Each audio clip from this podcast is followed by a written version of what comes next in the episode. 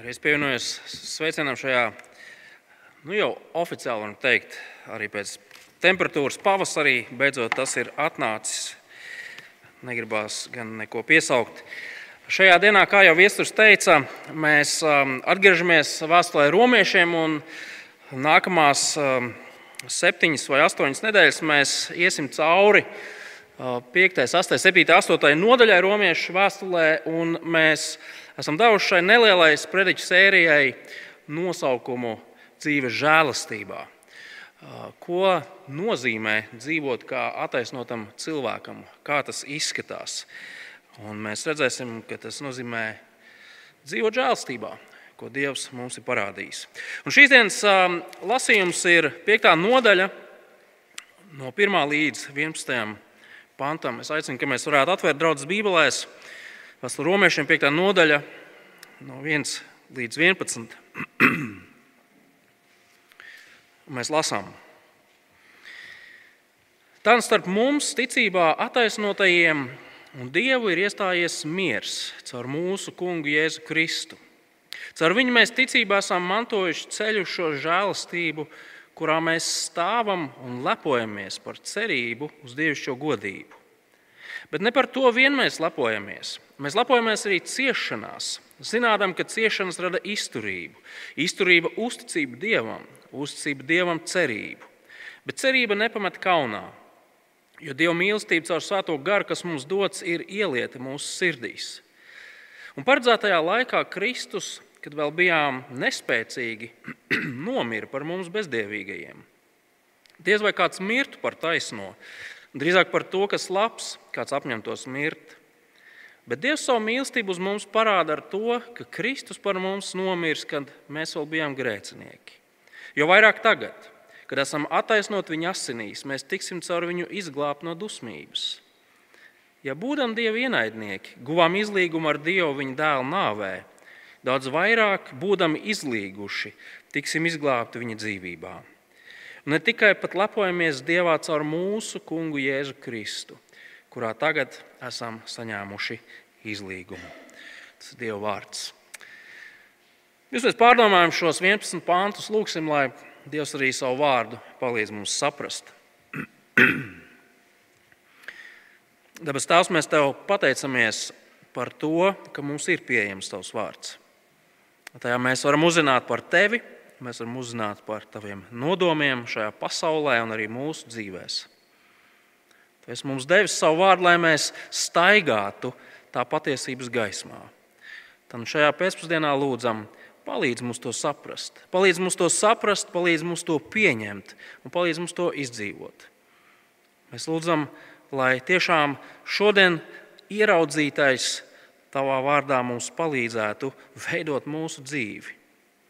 Palīdz man runāt skaidri, bet pats galvenais - uzticīgi tam, ko Tu mums esi atklājis šajā vēstulē. Lūdzam, Jēzus vārdā. Āmen! Iesāksim ar kādu svarīgu jautājumu. Proti, ar ko jūs savā dzīvē lepojaties? Jums būtu jānosauc kādas lietas, ar ko jūs savā dzīvē lepojaties, dižojaties, priecājaties. Cilvēki parasti lepojas ar saviem sasniegumiem, ar saviem panākumiem, pareizi.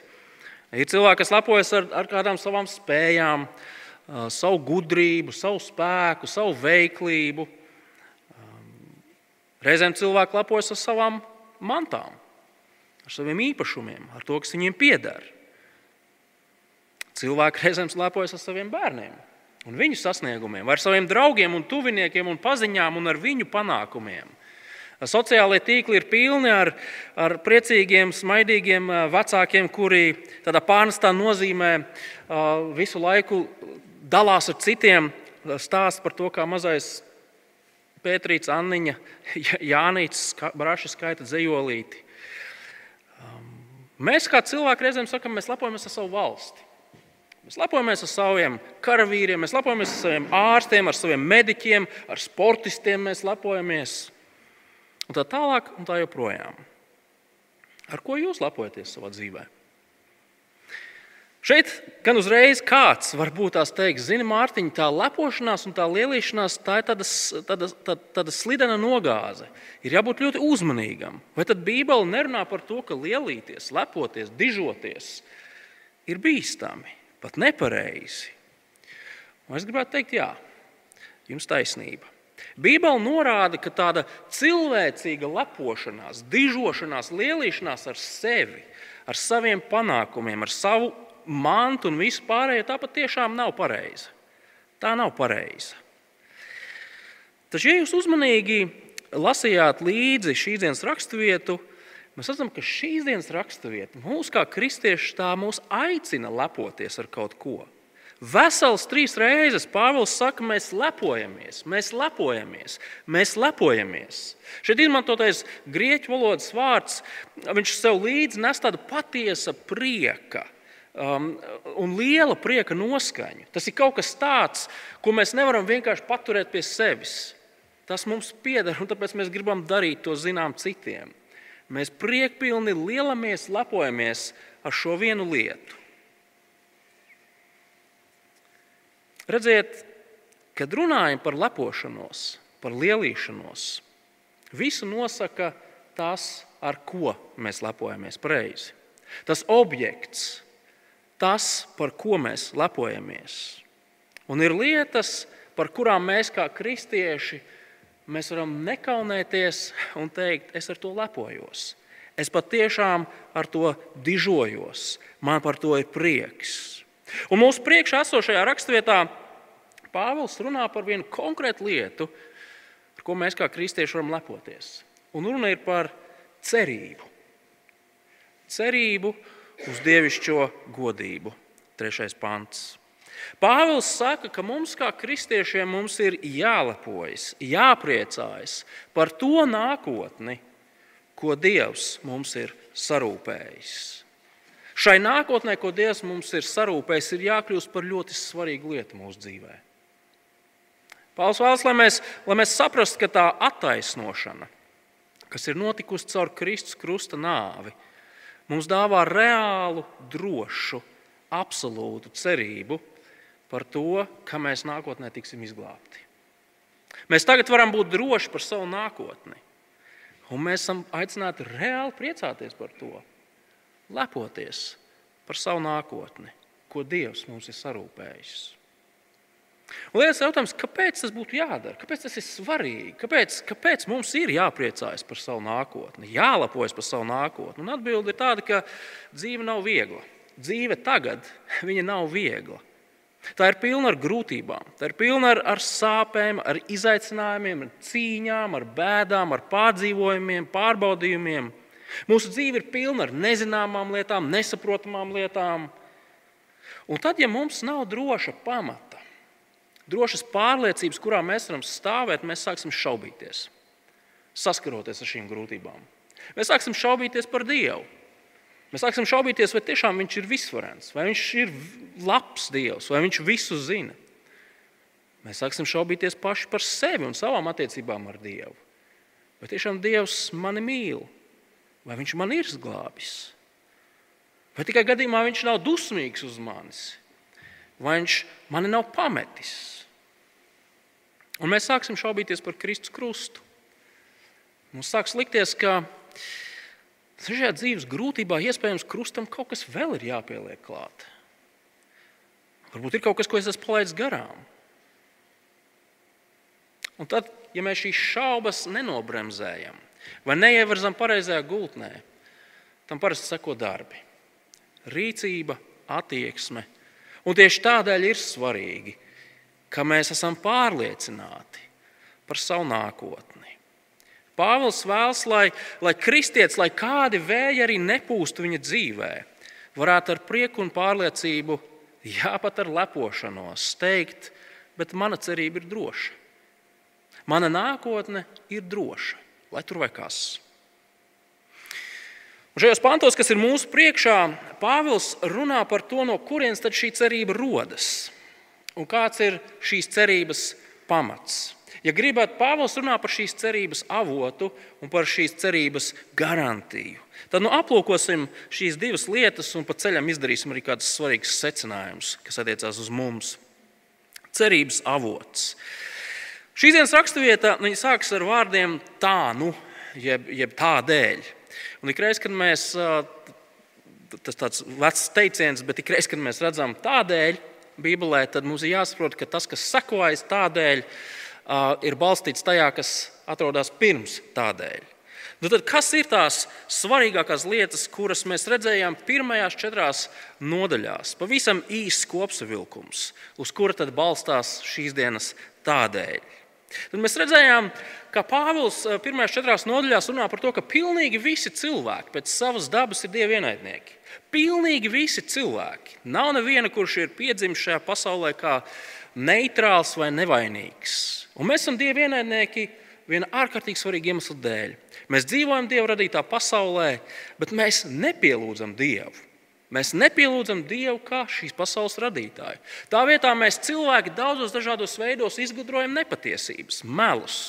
Gan par Dievu, gan par sevi, gan par pasauli, kurā mēs dzīvojam. Un šo melu ietekmē mēs pielūdzam nevis radītāju, bet mēs pielūdzam šīs melu radītās lietas. Mēs pielūdzam radību. Un tas, ka mēs pielūdzam radību, tas ir redzams tajā, cik atgārni šī pasaule strādā pareizi. Sabiedrība. Nu, paskatieties uz vērtībām un paskatieties uz to, kā mēs dzīvojam. Tas ir spilgts pierādījums tam, ka mēs patiesību par Dievu apslāpējam. Un tieši tādēļ Dievs ir taisnīgi dusmīgs. Viņš ir pamatoti dusmīgs uz visiem cilvēkiem. Un kādu dienu Dievs taisnīgi sodīs un tiesās cilvēku, kurš ir sacēlies pret viņu. Un tad Pāvils runāja par to, ka tur ir tāds lielais bet. Proti, Dievs šiem cilvēkiem, kas ir sacēlušies pret viņu, parāda milzīgu žēlastību. Negaidītu, nepelnītu žēlastību caur Kristus krusta nāvi. Kristus samaksā, attaisno cilvēku, samaksājot viņa grēka parādu. Un ik viens, kurš ticībā tveras pie Kristus, ir šī Kristus darba ieguvējs. Viņš ir attaisnots. Un tas mūs pieved pie šīs dienas raksturvietas. Tādēļ izlasīsim šos pirmos pantus. Tā nu mums Tā nu starp mums, ticību attaisnotajiem un Dievu, ir iestājies miers. Caur mūsu kungu Jēzu Kristu. Caur viņu mēs ticībā esam mantojuši ceļu uz žēlastību, kurā mēs stāvam un lepojamies par cerību uz dievišķo godību. Kā jau teicu, Pāvils šajos pantos līdz 5. nodaļu viņš iesāk jaunu sadaļu savā vēstulē. Un šī sadaļa viņa, ja tā var teikt, viena no centrālajām lietām, kas vīsies cauri, ir, nu, tad, ko tad nozīmē tas, ka mēs esam attaisnoti?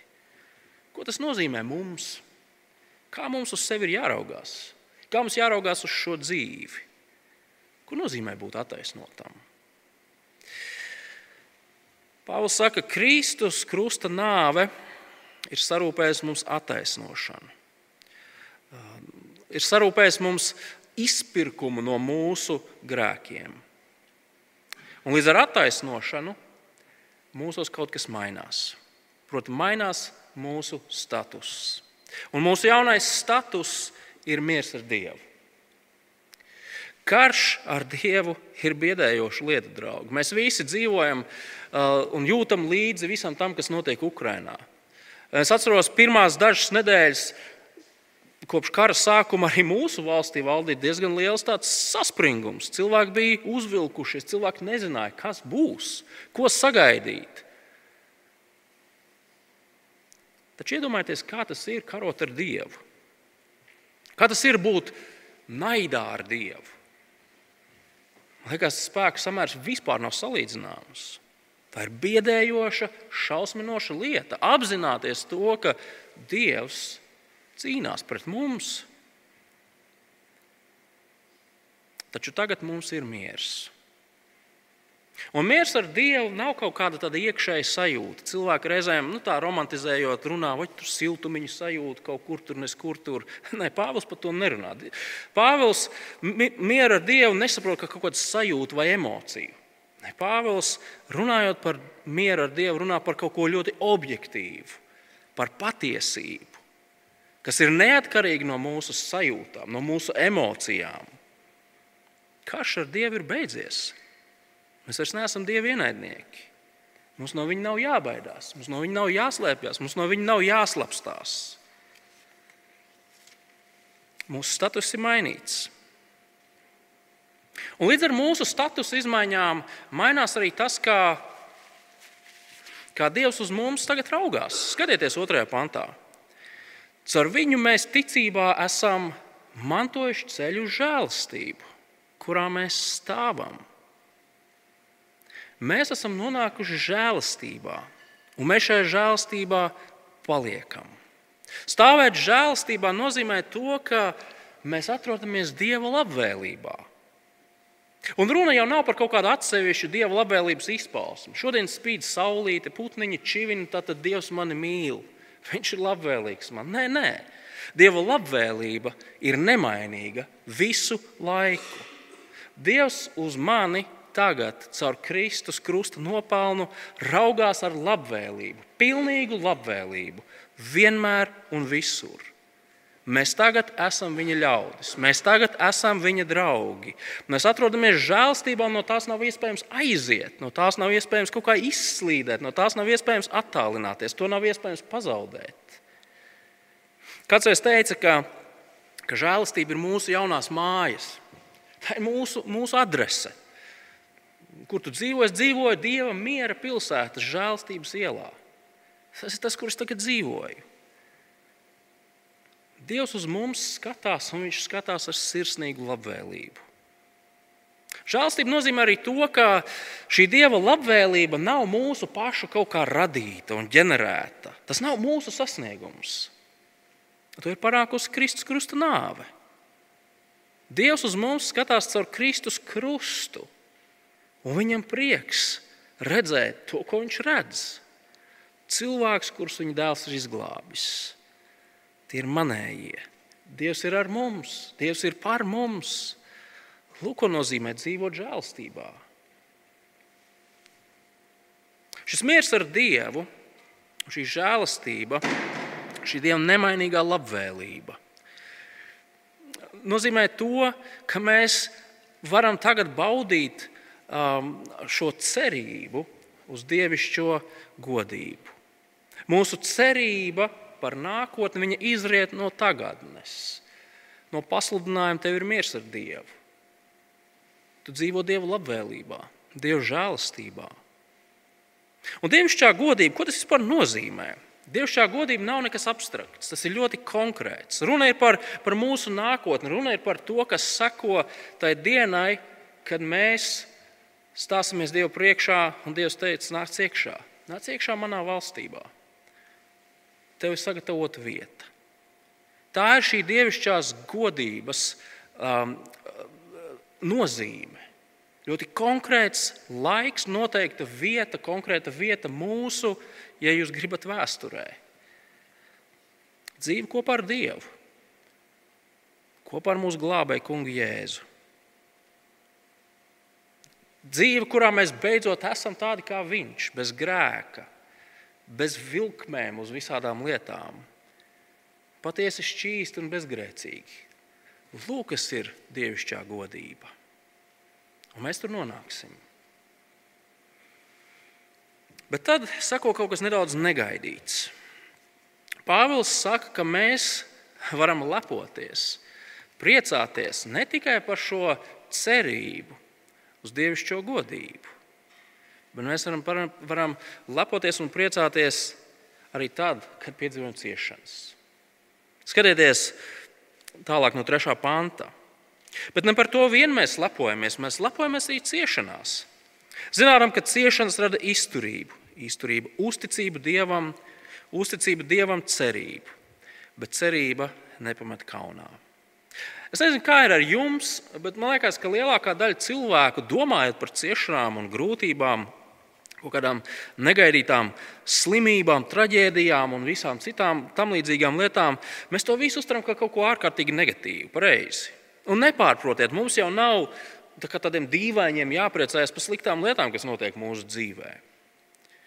Taču mums ir jābūt uzmanīgiem, lai mēs, tad, kad mēs nonākam grūtībās, lai mēs neteiktu, zini, Dievs laikam uz mani dusmojās. Laikam viņš no manis ir novērsies. Laikam viņš mani vairs nemīl. Bet par kādām ciešanām Pāvils šeit runā? Mēs neredzam sīkāku paskaidrojumu, tādēļ mēs varam gandrīz vai droši pieņemt, ka šeit ir runa par dažādām ciešanām. Par tām ciešanām un pārdzīvojumiem, ko kristieši piedzīvo savas ticības dēļ, Bet tikpat labi tās var būt ciešanas un grūtības, kas saistās ar dzīvi šajā kritušajā pasaulē, šajā grēcīgajā sabiedrībā, kurā mēs visi atrodamies. Godīgi sakot, ciešanas un grūtības taču raksturo visu mūsu kristīgo dzīvi. Vakardien, šodien, rītdien, pareizi un līdz pat šai godības pilnējai nākotnē. Kristiešu dzīve raksturo ciešanas un grūtības. Bet Pāvils uzskata, ka mums vajadzētu lepoties ciešanās. Jo šīs ciešanas nav bezmērķīgas. Viņas mūsu cerību padara stiprāku. Kā tas īsti strādā? Tā vien izskatās, ka tas, tas veids, kā tas strādā, ir ļoti vienkāršs.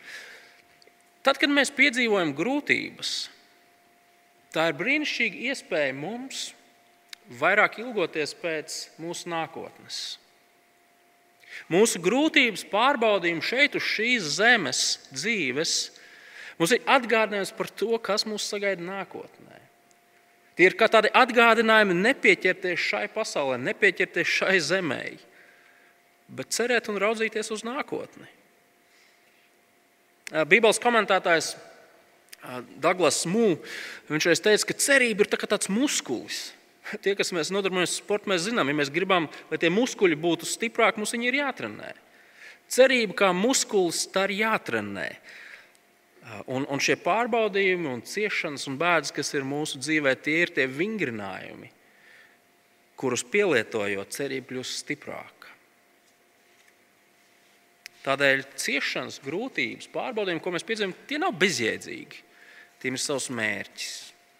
Un Pāvils šeit uzskaita to, to mazo tādu ķēdīti. Proti, ciešanas novada pie izturības. Izturība šeit šis vārds, kas apzīmē pacietību.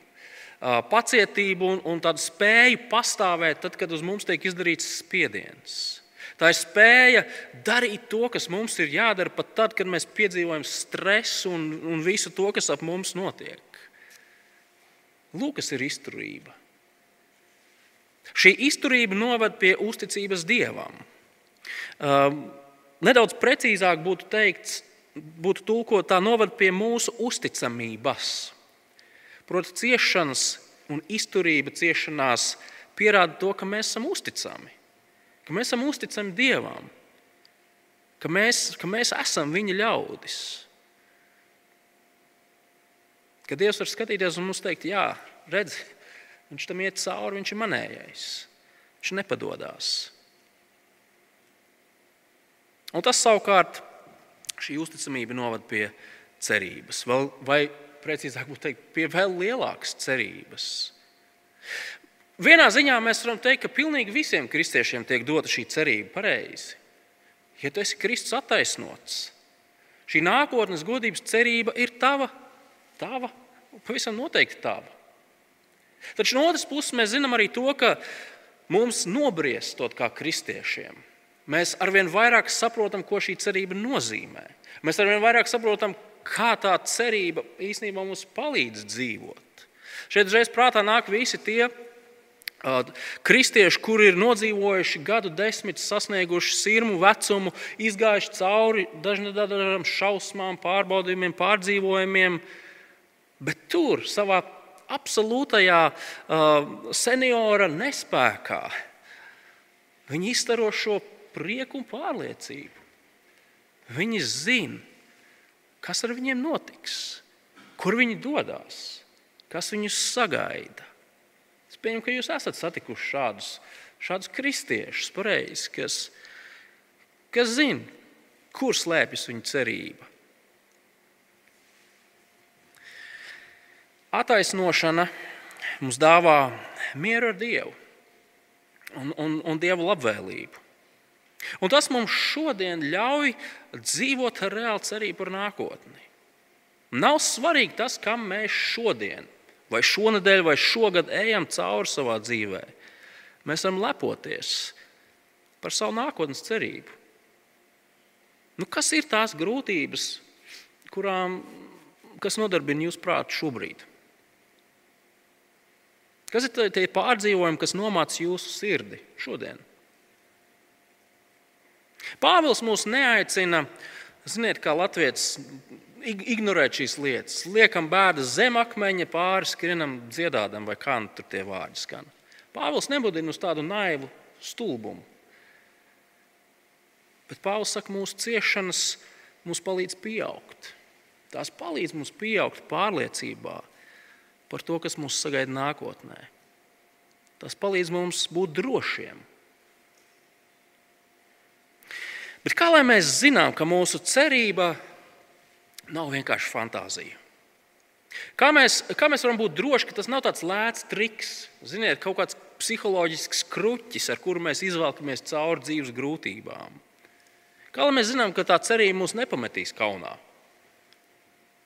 Tāpēc, ka šai cerībai ir objektīvs un drošs garants. Skatieties no 5. panta. Bet cerība nepamet kaunā. Jo Dieva mīlestība ar svēto garu, kas mums dots, ir ieliet mūsu sirdīs. Un pareizajā laikā Kristus, kad vēl bijām nespēcīgi, nomira par mums bezdēvīgajiem. Diez vai kāds mirtu par taisno, drīzāk par to, kas labs kāds apņemtos mirt. Bet Dievs savu mīlestību uz mums parāda ar to, ka Kristus par mums, par mums nomirs, kad mēs vēl bijām grēcinieki.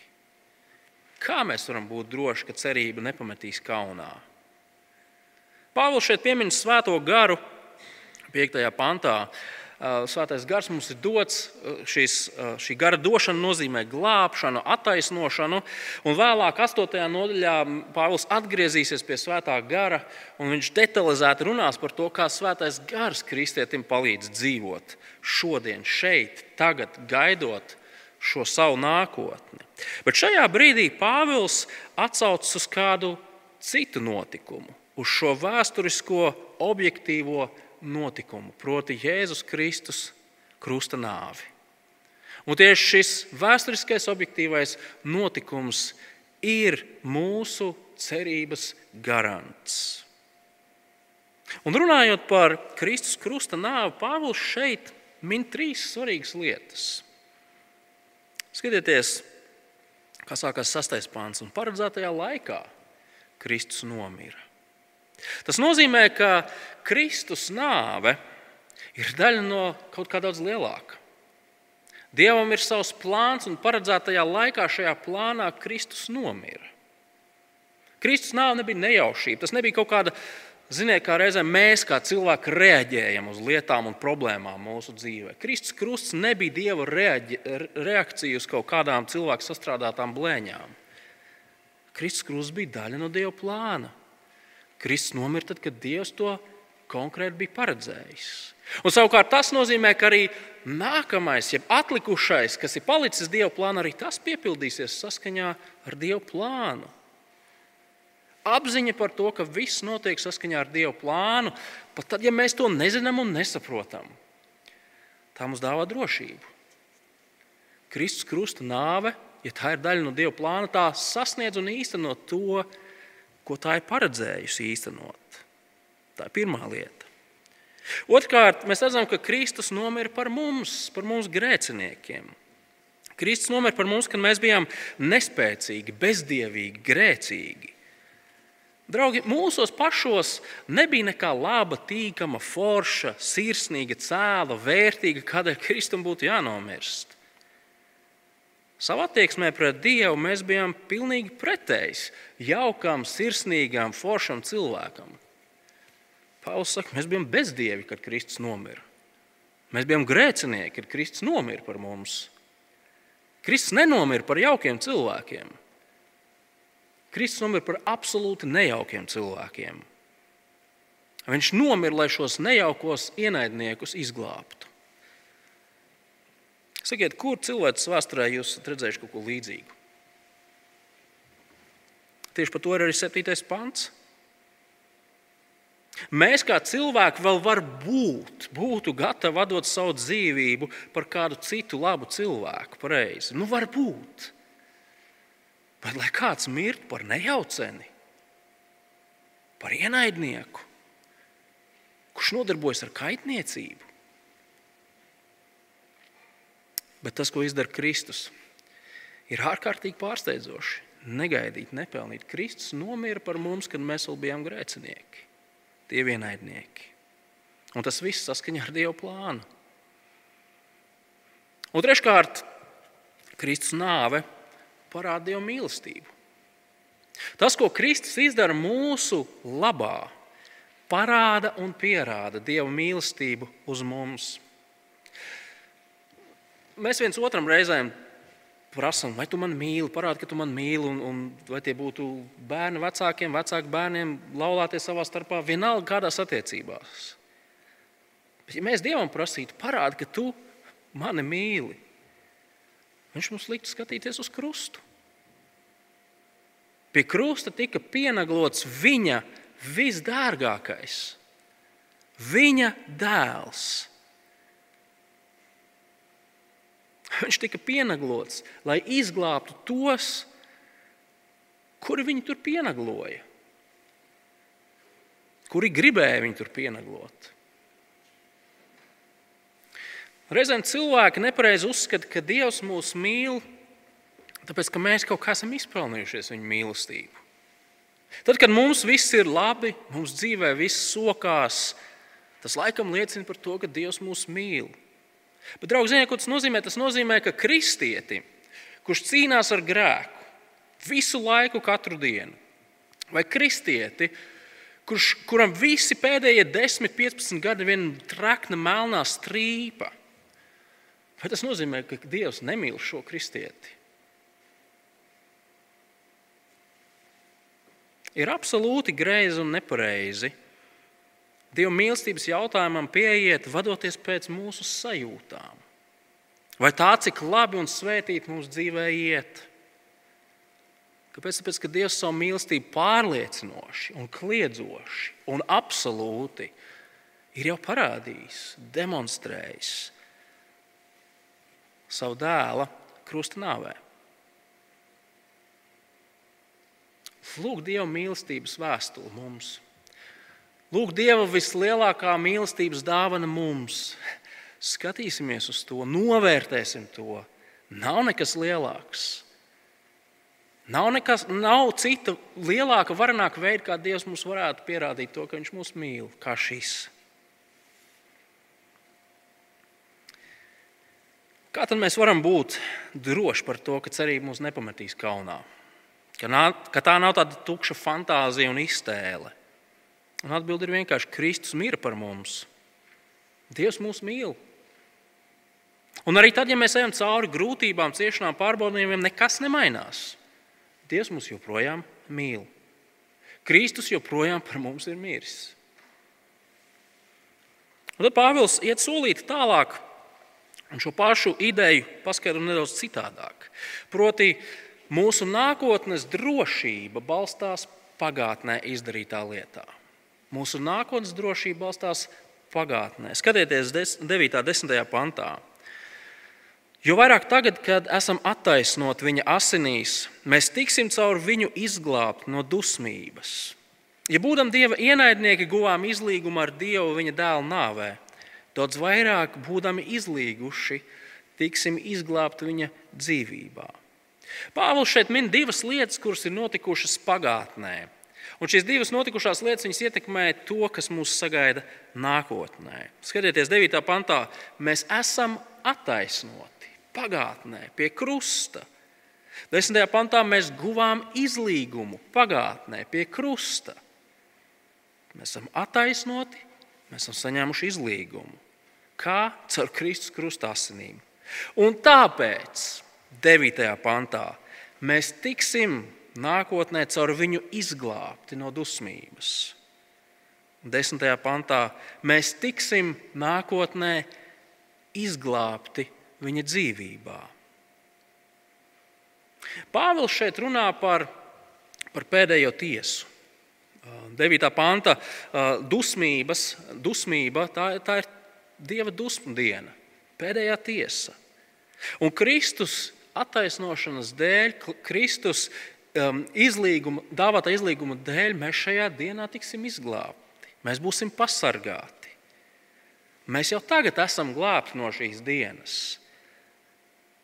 Tiesas spriedums jau tagad ir pasludināts attiecībā uz ikvienu, ko Kristus ir attaisnojis. Tiesa, jā, tā vēl ir priekšā kaut kad mums nezināmā brīdī, bet mēs varam par to neuztraukties. Jo tajā dienā mēs tiksim izglābti no tās. Vienkārši, vienkārši ilustrācija. Es zinu, ka viens otrs šeit sēdošais um, um, students skolēns um, ar bažām raugās uz maiju un uz jūniju, ir eksāmena laiks, un, un jāmaina skolas, jābeidz skolas, un kas tik vēl ne. Stresains laiks, vienmēr sakot, dažiem no klātesošajiem. Bet iedomājieties, iedomājieties ja jūs atverat e-klasi, un tur ir atzīmes par visiem eksāmeniem. Eksāmenis vēl nav noticis, bet atzīmes jau ir dabūtas. Turklāt šīs atzīmes ir 100% desmit nokārtotas A, vai kādas tur tās lietas tagad mūsdienās ir. Turklāt jūs paši nevienu vārdiņu nesat uzrakstījuši. Šīs atzīmes jums ir nopelnījis kāds cits. Tad, kad jūs pārvarat šoka stāvokli un pārsteigumu, jūs esat ļoti priecīgi par to faktu reizi. Tieši tāpat tās ir ar tiesas dienu. Izklausās tā, it kā Pāvils, nedaudz Pāvilu pārfrāzējot, viņš saka, draugi, grūtākais jau ir aiz muguras. Cilvēcīgi izsakoties, grūtākais ir aiz muguras. Dievs jūs ir attaisnojis, kad jūs bijat bezdievīgi grēcinieki. Tagad viņš uz jums skatās kā uz saviem ļaudīm, nevis kā uz ienaidniekiem, uz draugiem. Ja viņš jūs izglāba kā ienaidniekus nomirstot, Jūs tā kā šaubaties, ka viņš jūs izglābs, dzīves esot kā savus draugus. Ja jau Dievs šādi ir izturējies pret saviem ienaidniekiem, kā viņš izturēsies pret saviem draugiem?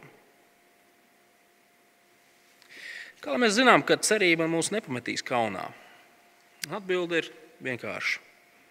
Mūsu cerības drošais garants ir Kristus paveiktais darbs. Viņš mūs ir attaisnojis. Viņš mums ir dāvājis izlīgumu ar Dievu. Un tieši tādēļ, ka pienāks tā diena, tā stunda, mēs saņemsim pilnā apmērā to, uz ko mēs šodien ceram. Godības pilna nākotne, glābšana. Šī garantija neslēpjas mūsos pašos, draugi.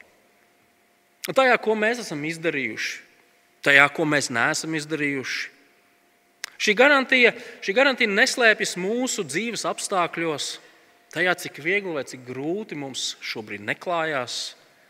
Mēs, mūsu drošā cerība ir balstīta tikai un vienīgi Kristus darbā. Un tāpēc mēs varam droši teikt, ka tā ir vēl drošāk nekā bankā. Rakstīts izskaņā Pāvils atgriežas pie šīs lepošanās idejas.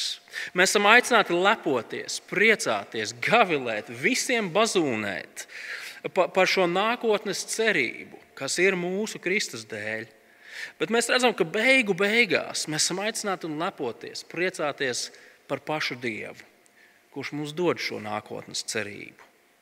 Skatieties, kā beidzās šī raksturvieta 11. pantā.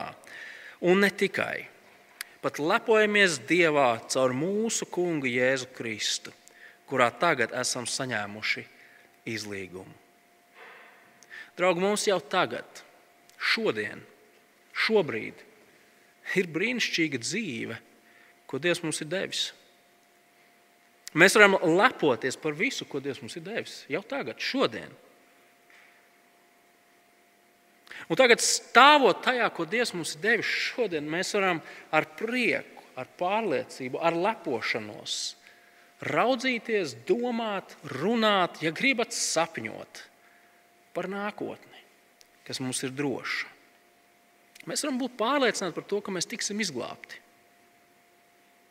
Mēs varam tagad, šodien būt droši par to, ka Dieva tiesas diena, lai cik šausminoši tā arī nebūtu Dieva ienaidniekiem, mums tā būs brīnišķīga glābšanas diena. Un šī drošība balstās tajā, ko Kristus ir izdarījis. Tur nav nekādu bet, tur nav nekādu izņēmumu, tur nav nekādu mazo burtiņu, kas visiem līgumiem parasti apakšā ir uzrakstīti. Šis status un drošība nekad nemainīsies, nekad netiks paņemta prom. Mums tas ir jāzina, mums tas ir jāatcerās. It īpaši tad, kad mēs saskaramies ar šīs dzīves realitāti, ar grūtībām, izaicinājumiem. Ciešanās mēs tik bieži esam aicināti savu, nu, kārdināt savu, savu garīgo stāvokli Dievu priekšā, mūsu nākotnes cerības saistīt ar to situāciju, kur mēs saskaramies. Bet, ja mēs tā darīsim, nekas labs nesanāks. Mūsu stāvēšana Dieva labvēlības gaismā šodien un mūžīgi ir atkarīga no nemainīgā Kristus darba. Tad, nu, kas ir tās labās lietas, ar kurām mēs savā dzīvē lepojamies kā kristieši? Kas mums sagādā īpašu prieku? Un skaidrs, ka mēs varētu uzskatīt daudzas labas lietas, un tas nav nepareizi. Šādi tad varam arī savu bērnu koncertus postēt Facebook, jo tas sagādā prieku. Viņš dzied labāk par mani. Prieks! Taču kristieši mums ir kaut kas ārkārtīgi, ārkārtīgi īpašs, ar ko lepoties un priecāties. Mums ir Dievs, kas mūs ir attaisnojis, kurš mums ir devis drošu nākotnes cerību, ka tiksim izglābti Dieva tiesas dienā. Un šī cerība ir ne, tik, ne tikai droša, bet arī liela, neiedomājami liela. Ja tā padomā, šī cerība, šī lieta, šī drošība pārspēj pilnīgi visu citu, kas mūsu dzīvē var būt. Pareizi. Mūsu dzīvē var piederēt viss, bet ja mums nav šīs cerības par nākotni, tad šim visam nav nekādas nozīmes. Jo pie pēdējā elpas vilciena vai izelpas, viss, kas mums ir bijis, pazudīs. Un mēs stāsimies Dieva tiesas priekšā. Taču, ja mums ir šī cerība, ko dod Kristus krusts, mums var visu atņemt, bet mēs būsim priekpilni. Tādēļ, ka mēs zinām, ka ar pēdējo elpas izelpu mēs stāsimies Dievu priekšā, mūsu glābēju priekšā kur mēs saņemsim mūsu cerības piepildījumu. Dievišķo godību. Lūksim. Dabas tās mēs patiesi pateicamies šajā svētdienā par, par mūsu glābēju Kristu. Tās mēs, mēs tiešām esam aicināti par viņu domāt vēl lielākas domas, nekā mēs um, ikdienā domājam. Tās viņa krusta veikums ir mūsu nākotnes garants. Tēvs, tas pierāda tavu, tavu mīlestību uz mums. Tas pierāda tavu labvēlību uz mums. Un tādēļ mūsu lūkšana ir, kungs, kā mēs savā ikdienas skrējienā, vai tas būtu viegls vai grūts, vienmēr atcerētos par šo drošības pamatu. Tās un lai tas dod mums prieku dzīvē, mums viss svarīgais ir sakārtots. Un tās, ka mēs lepotos par šo nākotni, lai šī lepošanās būtu kā tāds lipīgs vīrus, kas pielīp citiem cilvēkiem, kuriem mēs par šo cerību stāstam. Tās, lai mūsu liecība par tavu darbu mūsu dzīvē būtu kā tāds jauns sākums daudzu, jo daudzu mūsu līdzcilvēku glābšanas dzīvē. Tās palīdz mums uz to Kristus vārdā, to lūdzam. Amen.